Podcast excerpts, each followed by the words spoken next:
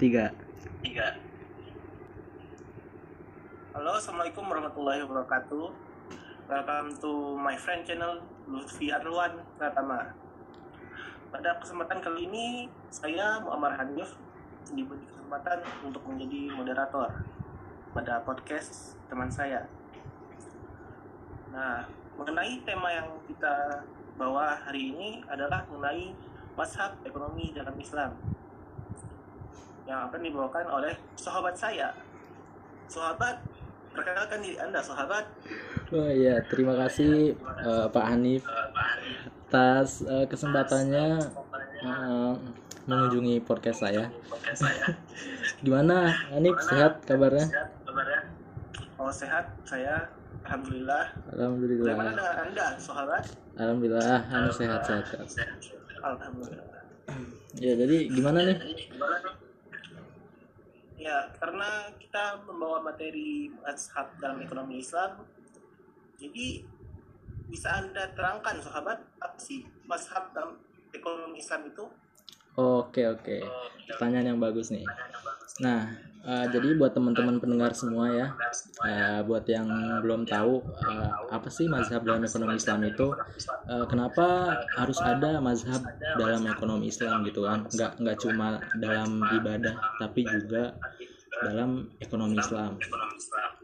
Nah, pertama eh, saya akan memberitahu dulu nih eh, soal dari sejarah dari eh, mazhab di ekonomi Islam ini. Nah, jadi dalam sejarahnya pemikiran ekonomi ini atau kehadirannya ini biasanya bertujuan untuk mengkritik, mengevaluasi atau mengkoreksi aliran-aliran ekonomi sebelumnya yang dinilai tidak mampu menyelesaikan persoalan-persoalan ekonomi. Nah, dalam eh, ekonomi konvensional ini eh, kita mengenal aliran ekonomi klasik kan kayak neoklasik, marxis, historis, institusional dan lain sebagainya itu. Nah, tapi eh, kalau ekonomi Islam ini sama eh, punya aliran-alirannya sendiri gitu. Nah, menurut eh, Adi Warman Karim tahun 2010 eh, beliau adalah seorang ahli di bidang ekonomi Islam asal Indonesia. Nah, beliau mem- membagi mazhab ekonomi Islam ini menjadi tiga bagian besar. Pertama, eh, mazhab Bakir As-Sadr. Nah, kedua, eh, mazhab mainstream. Dan yang ketiga ini mazhab alternatif kritis. Seperti itu, Hanif. Oh, jadi ada tiga tuh mazhab. Iya. Bisa dijelasin Oh apa iya. aja definisinya itu? Boleh, boleh, boleh. Nah, jadi eh, yang pertama ada mazhab Bakir As-Sadr. Nah, mazhab ini tuh dipelopori oleh Bakir As-Sadr ya sesuai dengan namanya. Beliau eh, mengarang buku yang berjudul Istis Hoduna atau eh, Our Economics dalam bahasa Inggris. Nah, mazhab ini berpendapat bahwa ilmu ekonomi ini tidak pernah bisa sejalan dengan Islam. Nah, ekonomi ini tetap ekonomi dan Islam tetap Islam. Jadi berbeda antara keduanya gitu. Nah, jadi ini berasal dari filosofi yang kontradiktif. Nah, yang satunya anti Islam, yang lainnya juga Islam gitu. Nah, menurut perpandangan mereka ini, perbedaan filosofis ini benar-benar berdampak pada perbedaan cara pandang keduanya dalam melihat masalah ekonomi. Nah, seperti itu. Jadi, eh, mazhab Bakir ini menolak pernyataan karena menurut mereka ini Islam tidak mengenal adanya sumber daya yang terbatas. Nah, dalil yang dipakai adalah dalil yang mereka pakai ini Al-Qur'an. Eh, surat Al-Qamar ayat 49 yang artinya sesungguhnya telah kami ciptakan segala sesuatu dalam ukuran yang setepat-tepatnya gitu. Jadi mereka eh, memakai dalil dari surat Al-Qamar ini. Nah, dengan demikian karena eh, segala sesuatunya ini udah diukur dengan sempurna.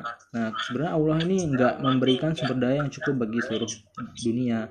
Pendapat bahwa keinginan manusia itu tidak terbatas juga ditolak. Nah, contohnya kayak eh, manusia ini akan berhenti minum kalau dahaganya udah puas. Jadi kalau mereka udah nggak haus lagi, mereka nggak akan minum lagi gitu.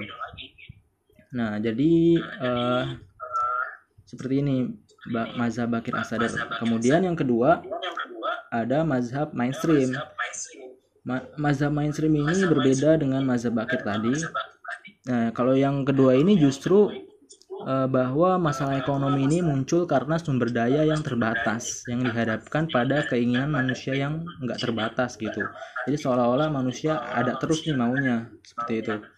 Nah, keterbatasan sumber daya ini emang ada, bahkan diakui oleh Islam. Nah, dalil yang mereka pakai ini surat Al-Baqarah ayat 155 yang artinya dan sungguh akan kami berikan cobaan kepadamu dengan sedikit ketakutan, kelaparan, kekurangan harta, jiwa dan buah-buahan dan berikanlah berita gembira kepada orang-orang yang bersabar. Nah, jadi mereka memakai dalil uh, surat Al-Baqarah yang tadi dan juga uh, sabda Nabi Muhammad. Jadi mereka cukup kuat lah ya dalilnya ada gitu sama-sama ada. Eh, bahwa manusia ini tidak akan pernah puas bila diberikan emas satu lembah, ia akan meminta emas dua lembah. Bila diberikan dua lembah, ia akan meminta tiga dan seterusnya seperti itu. Ya jadi ini kayak benar-benar menggambarkan kayak manusia ini uh, rakus banget gitu, penuh dengan hawa nafsu seperti itu. Nah tokoh-tokoh mazhab ini antaranya uh, Muhammad Umar Capra, Muhammad Abdul Manan, Muhammad uh, Nejatullah Siddiq seperti itu dan lainnya Nah, mayoritas mereka ini bekerja di Islamic Development Islamic Development Bank atau IDB yang memiliki dukungan dana dan akses ke berbagai negara. Jadi uh, penyebaran mereka ini benar-benar cukup cepat dan luas juga. Seperti itu. Kemudian yang ketiga uh, ada mazhab uh, alternatif kritis. Alternatif kritis ya. Jadi pelopor mazhab ini adalah Timur Kuran, uh, ketua jurusan Ekonomi University of Southern California.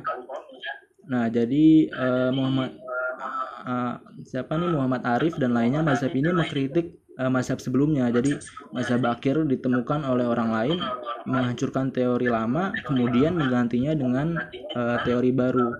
Sementara itu mazhab mainstream dikritikkan sebagai jiplakan dari ekonomi neoklasik. Nah, jadi uh, dia tuh mengkritik dua mazhab tadi seolah-olah dua mazhab tadi itu hasil uh, tiruan dari uh, atau jiplakan ya dari mazhab konvensional ya. Jadi uh, seperti itu, Anif. Hmm. Jadi kalau menurut sahabat Lutfi uh, yang paling cocok di daerah kita di Indonesia itu mazhab yang mana? Oh ya, jadi, oh, ya, jadi uh, menurut saya ya uh, yang uh, kita semua sama-sama bisa lihat uh, praktik ekonomi Islam ini yang yang biasa digunakan lembaga-lembaga keuangan syariah uh, bisa dikatakan mengikuti mazhab mainstream ya, lembaga-lembaga keuangan kita di Indonesia itu lebih dulu dimunculkan oleh ekonomi modern disebut, uh, tersebut dimodifikasi sedemikian rupa agar sesuai dengan prinsip-prinsip Islam. Nah, kalau kita sadar sejarah, metode eklektislah eklektislah yang lebih tepat untuk mengembangkan ilmu ekonomi Islam itu ya itu uh, apa mazhab mainstream ini yang sering kita jumpai di lembaga-lembaga keuangan syariah di negara kita ya seperti itu Hanif. hmm, jadi walaupun menurut sahabat mazhab mainstream ini paling cocok tapi belum tentu dua mazhab yang lain salah gitu ya. Ya betul sekali. Ya, betul ya, sekali. karena uh, apa ya mazhab uh, ekonomi dalam Islam ini harus menyesuaikan dengan uh, adat dan kebiasaan masyarakatnya juga gitu. Jadi mereka tuh uh, perlahan-lahan ya berkembang mengedukasi masyarakatnya dulu mengenai mazhab-mazhab ini agar uh, banyak masyarakat yang uh, mengenal gitu ya istilah-istilah istilah-istilah dalam um, dunia mazhab ya, ekonomi Islam ini gitu. Jadi uh, supaya ada perbedaannya gitu kelihatan perbedaannya antara uh, mazhab konvensional dan uh, mazhab dalam ekonomi Islam gitu harus uh, terlihat jelas perbedaannya ya kurang lebih seperti itu tujuannya hmm. jadi harus ya itu ada mazhab dalam ekonomi Islam Iya, tentu harus. Karena ini juga apa ya? Kan sesuai yang tadi saya jelaskan ya bahwa tujuan dari adanya mazhab itu untuk uh, mengkritik, untuk uh, mengevaluasi, terus untuk uh, apa namanya? uh, memberikan uh, masukan-masukan ya yang kalau misalnya ada sesuatu yang uh, kurang baik dalam uh, apa ekonomi Islam harus diperbaiki dengan adanya mazhab-mazhab tersebut seperti itu. Hmm, ya mungkin itu saja yang saya tanyakan sahabat. Oke, terima kasih. Terima kasih. Uh, pada podcast kali ini semoga bermanfaat bagi kita semua yang mendengarkan. Amin, amin. Untuk podcast selanjutnya kita tunggu kedatangannya. Wassalamualaikum warahmatullahi wabarakatuh. Waalaikumsalam warahmatullahi wabarakatuh.